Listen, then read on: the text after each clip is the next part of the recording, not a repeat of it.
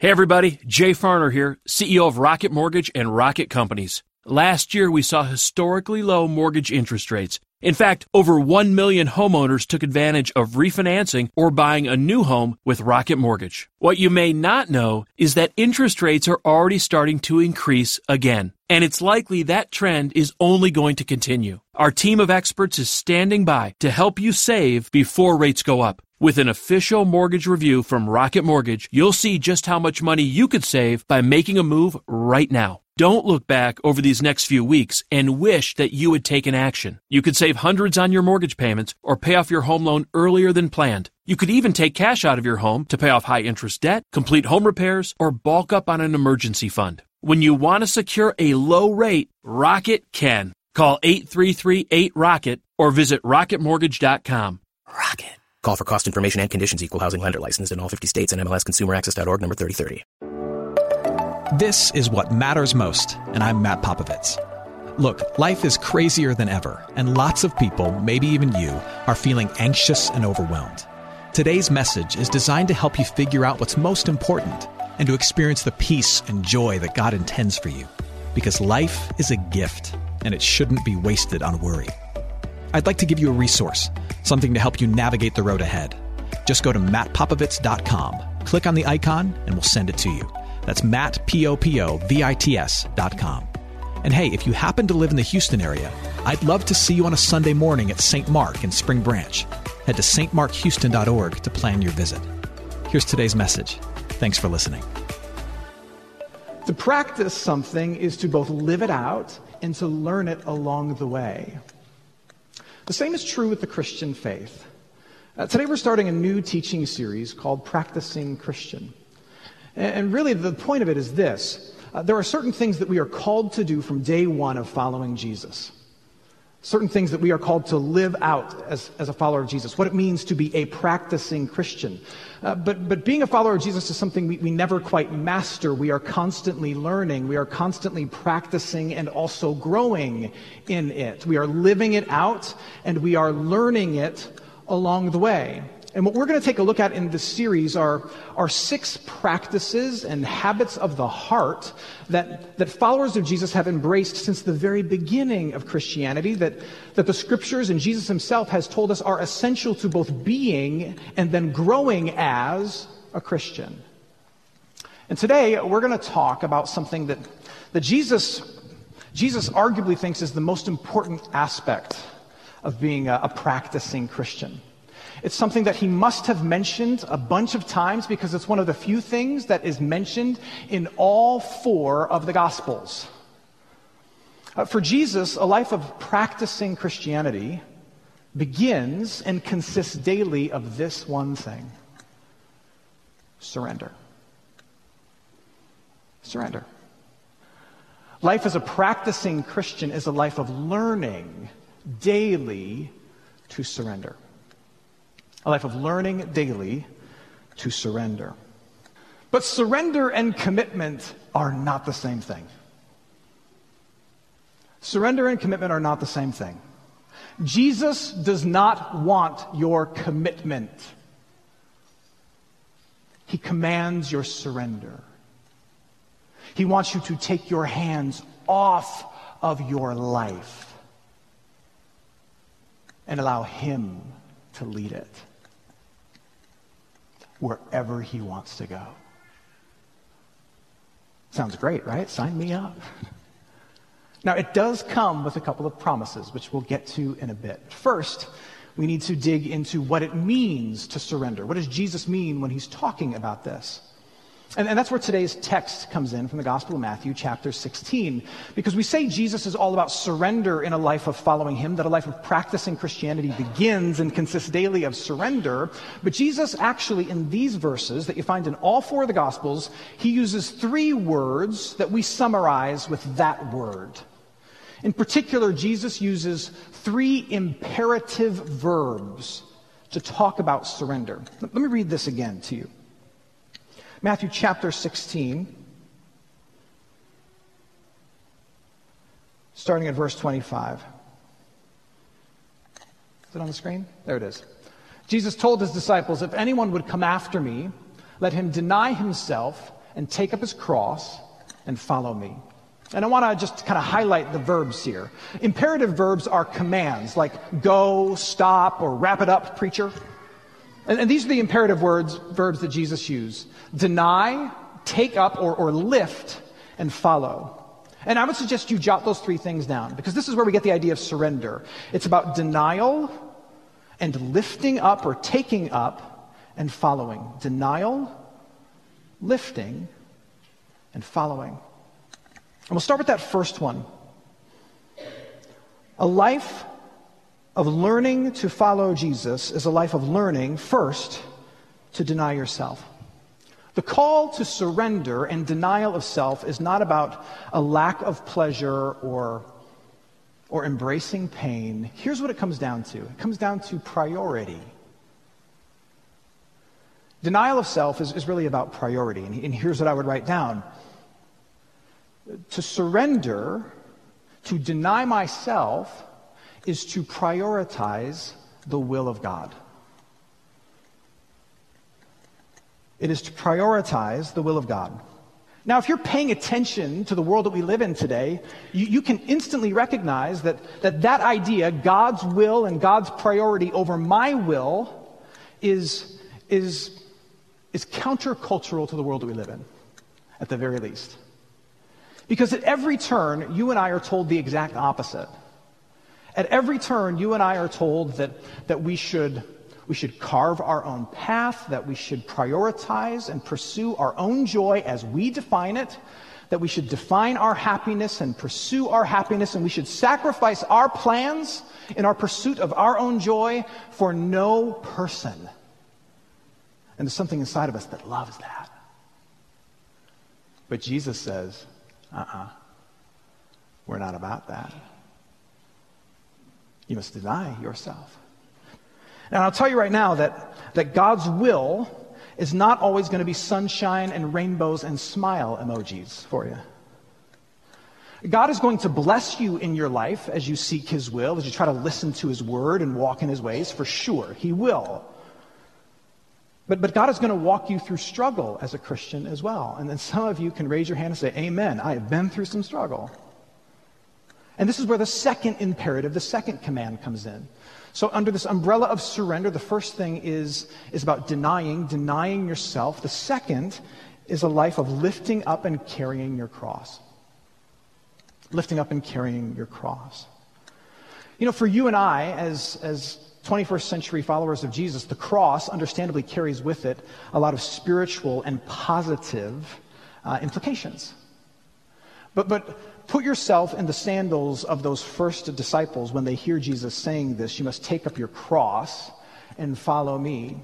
They knew full well what the cross was, but for them it was simply, at this particular moment, it was simply a means of Roman execution for the worst of criminals. Jesus at this point had not yet gone to the cross and died for the sins of the world. He'd hinted at it, he'd talked a bit about it, but they didn't know what was in store. So when Jesus said, take up your cross, they, they thought rightly of the first century means of Roman execution for the worst of criminals. And they knew that when, when someone was crucified in Jerusalem, that they were they were told to carry the crossbeam of that cross on their shoulders, just as Jesus would eventually do, and walk through the streets of Jerusalem. And when I say walk, they weren't really walked, they were kind of dragged and whipped and beaten through the city out to the place where they were ultimately crucified.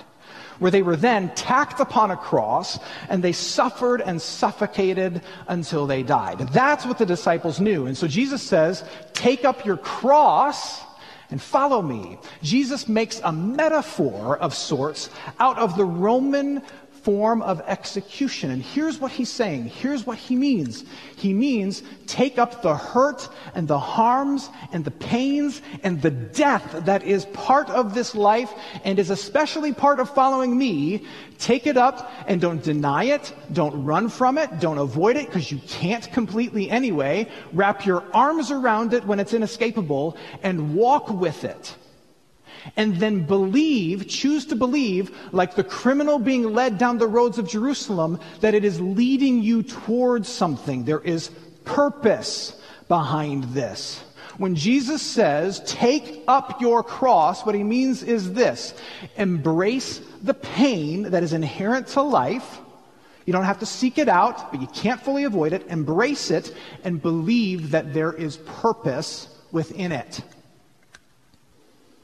Embrace it and believe that there is purpose within it. If you are expecting the Christian faith to be some kind of get out of struggle free card, you are sorely mistaken. Or if you think that following Jesus is some kind of essential element in a recipe that's going to guarantee you some success as the world defines success, you are barking up the wrong religious tree. Now, I, don't blame you for wanting that or for assuming that even. You and I, we are, we are in many ways wired to pursue comfort. And, and if you look at our lives, we, we leverage almost every resource we have as human beings to try and find and protect our comfort. We, we work out to protect ourselves from the pains of death. We, we, we work hard at our jobs to, to protect ourselves from failure and to pull ourselves out of a past of poverty, perhaps. We listen to podcasts on parenting to avoid the, the, to avoid the pain of having problematic children, right? And on one hand, all of that is good. All of that is fine. But eventually, pain will occur. Your kids may bring you shame. The spouse can die unexpectedly. The job gets lost unfairly. Eventually, a cross will present itself and it will be sat next to you, the crossbar of this pain. And you, you will have a choice. You can kind of run from it. You can deny it or, here's what followers of Jesus do when it can't be avoided and it just happens and it's just there, they embrace it. They don't celebrate it, we don't take joy in it. That's not what I'm saying. But, but the cross happens in life. And you can shake your fist at God when, it, when it's revealed to you, or you can pretend it doesn't exist. You can run away from it and try to avoid it, but you're just going to trip over another one. The cross will happen to you. What followers of Jesus do is they don't shake their fist, they don't run away, they don't deny, they take it up. And they walk with it. And they believe that God is at work in it. I hope you're enjoying today's message. For more of what matters most, you can head to mattpopovits.com. There you'll find other messages. You can support this ministry as well as access your free gift. Oh, and if you're looking for a local church and you live in Houston, come and see what's happening at St. Mark Houston. To plan your visit, head to stmarkhouston.org. Thanks for listening, and back to today's message. Now, now, the reason Christians can believe this, that we can take up our cross and that God is at work in our crosses, is because of Jesus' cross. His cross changes yours. The cross of Jesus Christ changes the crosses of mankind. You see, Jesus on, on the cross, he, he died for the sins of the world and then he rose from the dead and he freed us from, from sin and death ourselves. But he also, in doing so, he, he made it possible and he gave a promise for there to be purpose in your pains and in your crosses. See, what Jesus did is he brought beauty out of pain. He brought life out of death. And now that is the shape of life in his world for those who follow him. There can be beauty out of our pain. There can be life out of our deaths. Jesus promises the same pattern of life for those who follow after him. The death of Jesus Christ and his suffering was used by God to display Jesus' obedience as a son. And it was used by God to advance his kingdom. And now the promise is that your cross is discipleship. Your suffering is kingdom work that God will use your crosses that you are willing to embrace and walk with in faith. He will use them to mold and shape you into an obedient son and daughter, and He will also use them to advance the kingdom of God through you in ways you may never see or appreciate. You ever thought about it? Like, like why is it that the church throughout history, the capital C church, has thrived the most when it was most persecuted? That is a fact. The church growth strategy no one wants to talk about is suffering and persecution. Why is it that the, the men and women whose, whose faith and character you most admire have been through things in life that you pray you can avoid. Every one of them. It's because followers of Jesus, they embrace the cross and they walk with it, and God keeps his promise to work in us and through us because of it. Take up your cross. And the third thing Jesus says is follow me. So surrender is a life of learning to ooh, deny yourself. Surrender is also a life of taking up your cross, but it's also a life of following me, Jesus says. Jesus says, follow me. Um, the life of surrender is learning to go wherever Jesus goes. a life of following a rabbi in the ancient world was an interesting one to say the least. Uh, a rabbi had disciples, and the disciples followed after the rabbi wherever the rabbi went, like even to the bathroom. This is documented. wherever the rabbi goes, the disciples were trailing behind. And the thing about the rabbi is that the rabbi sets both the pace and the path. And so wherever the rabbi goes, fast, slow, wherever it leads, the disciples are like trailing right after the rabbi. And this is the part of this conversation that the disciples would have been most familiar with.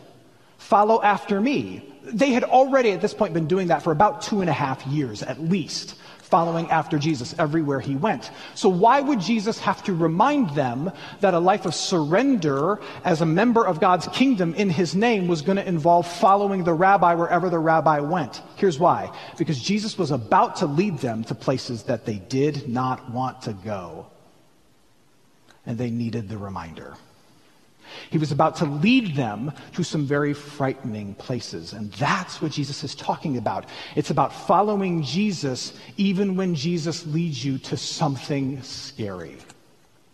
And Jesus was about to lead them to his own death and resurrection. And then after that, he was going to lead them into this mission of baptizing and evangelizing the entire world. And then, through his spirit, he was going to lead them to persecution and jail. And almost every one of the disciples he talked to in this moment, they were, they were martyred for the cause. That's where Jesus was going to lead them. He was going to lead them to places that were scary, but they were still required to step forward with him. And the same is true for you. Jesus will lead you to places that are scary to you. He, will lead you to conversations that you know you need to have. He will lead you to invitations you know you need to extend. He will, he will call you towards generosity or sacrifice that you know he's all about and you really should be too. He, he's gonna, he's gonna call you into that scary conversation with your brother-in-law or he's gonna insist and he's gonna step into forgiveness of your frenemy. And you're gonna be like, no, this is frightening, but he's stepping into the scary thing and you must step with him because you are a practicing Christian. Now you might say, well, how do I, how do I know where Jesus is going? Is there like an app that I can download that like shows him on GPS? Here's how. If you're here as a baptized follower of Jesus, you, you, have been, you have been given his Holy Spirit and it stirs in you and convicts you. You know when that happens. And he's given you his word. You, you ever read a portion of scripture or sat in a sermon and you feel like, oh crap, they're talking to me? Or you had a conversation with someone who believes like you and is baptized and a follower of Jesus like you, and you walk out of that conversation with this, with this clarity about what you should do. That is Jesus stepping forward, Jesus speaking, and your job is to step. I, I guarantee that if you and I sat down over lunch and we just did a quick inventory of your life right now today, a real honest inventory, we could find at least one spot, one scary step that Jesus is taking and he's calling you toward. You know what it is, but you're trying to avoid it. I guarantee it because that's how he works. Surrender is denying yourself, not my will, but thy will. It is lifting up and carrying your cross, believing that God works through that pain. And it is also following Jesus into the scary things he asks you to do. That's what it means to be a practicing Christian with surrender. Now, all of this is really, really frightening. I get it. If you take this seriously, you're taking the, your hands off of your life and you're surrendering them to Jesus. But I told you at the beginning that there are promises for you in this. And the promises are twofold. He, he, he promises to form you in this and to give you freedom because of this. Now, it might seem counterintuitive that those who surrender their lives and every single day to Jesus are somehow free. But listen again to what Jesus says here. He says this Whoever would save his life will lose it, but whoever loses his life for my sake will find it. For what will it profit a man if he gains the whole world and forfeits his soul? Or what shall a man give in return for his soul? Jesus' point is this you, you are surrendering your life to something. It's not a matter of if, but to what.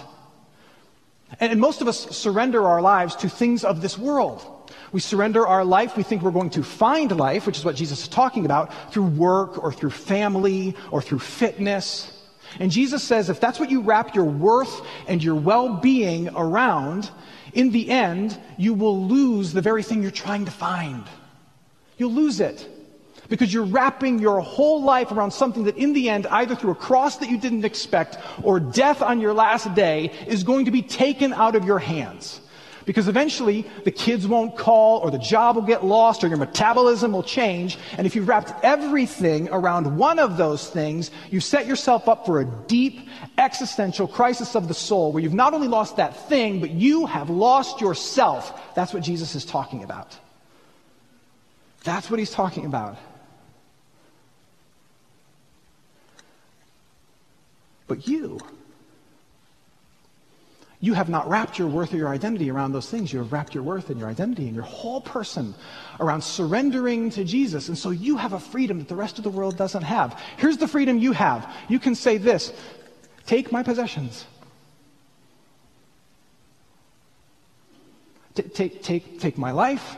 Take, take my family. I, I pray you don't. But, but if I lose all the earthly things, I will not lose myself. Because I have already surrendered to someone who's made me right with my Maker, promises me joy in the future, and who says he will use even this pain for his purposes. So take whatever you want. I will not lose. That is a freedom that a world wrapped up in possessions and performance knows nothing of. Nothing. And he promises to change you. He gives you freedom and he promises to change you. There's this, there's this, this book written by C.S. C.S. Lewis. And um, in, in, this one particular book, there's this character called Eustace. And Eustace is a young boy who gets changed into a dragon. Nerd moment. He gets changed into a dragon. But he wants to become a little boy again.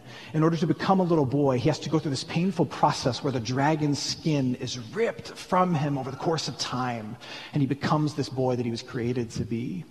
That is, for me, and a great analogy of the Christian life. You and I are born into this world and we are dragonized. We are covered with scales and deep, dark stuff. But God promises to change you through this life of surrender. It's not going to be easy, but He's going to rip the dragon skin from you and make you into the son, the daughter you were meant to be. He changes you through this. Surrender is a life of denying yourself, not my will, but thy will. It is a life of taking your hands off the wheel. It is a life of saying, It is all about you, Jesus. Let me close with this. Billy Graham used to tell a story about a little boy whose hand was stuck into his mom's favorite vase. And his dad was trying very carefully to set him free.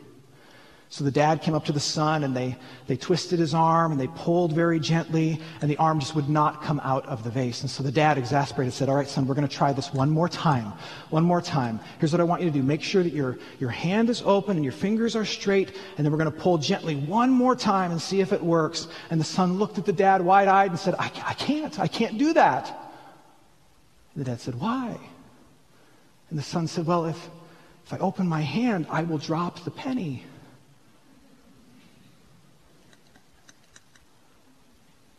So the son opens his hand and he drops the penny, and his hand is free. And he gets the penny too. Life as a practicing Christian is a life of learning to drop the penny. Letting go of the petty things that you hold on to for control and purpose in this life letting go of those things, of opening your hands and surrendering each and every day, of saying, It's not my will, I will follow wherever you lead, and I will embrace the pain that comes my way, knowing that there's purpose in it, of opening your hand, letting it go, dropping the penny, and discovering that it sets you free. Hey, it's Matt. I hope you enjoyed what matters most. Here's what I need you to know life is a gift, and it shouldn't be wasted on worry. I want to help you figure out what's most important and to experience the peace and joy that God intends for you. So, for more content, you can head to mattpopovits.com. That's Matt, P O P O V I T S.com. There, you can also support this ministry as well as access your free resource, a little something to help you navigate the road ahead. I'd also love to see you on a Sunday morning. If you're in the Houston area, head to stmarkhouston.org to plan your visit.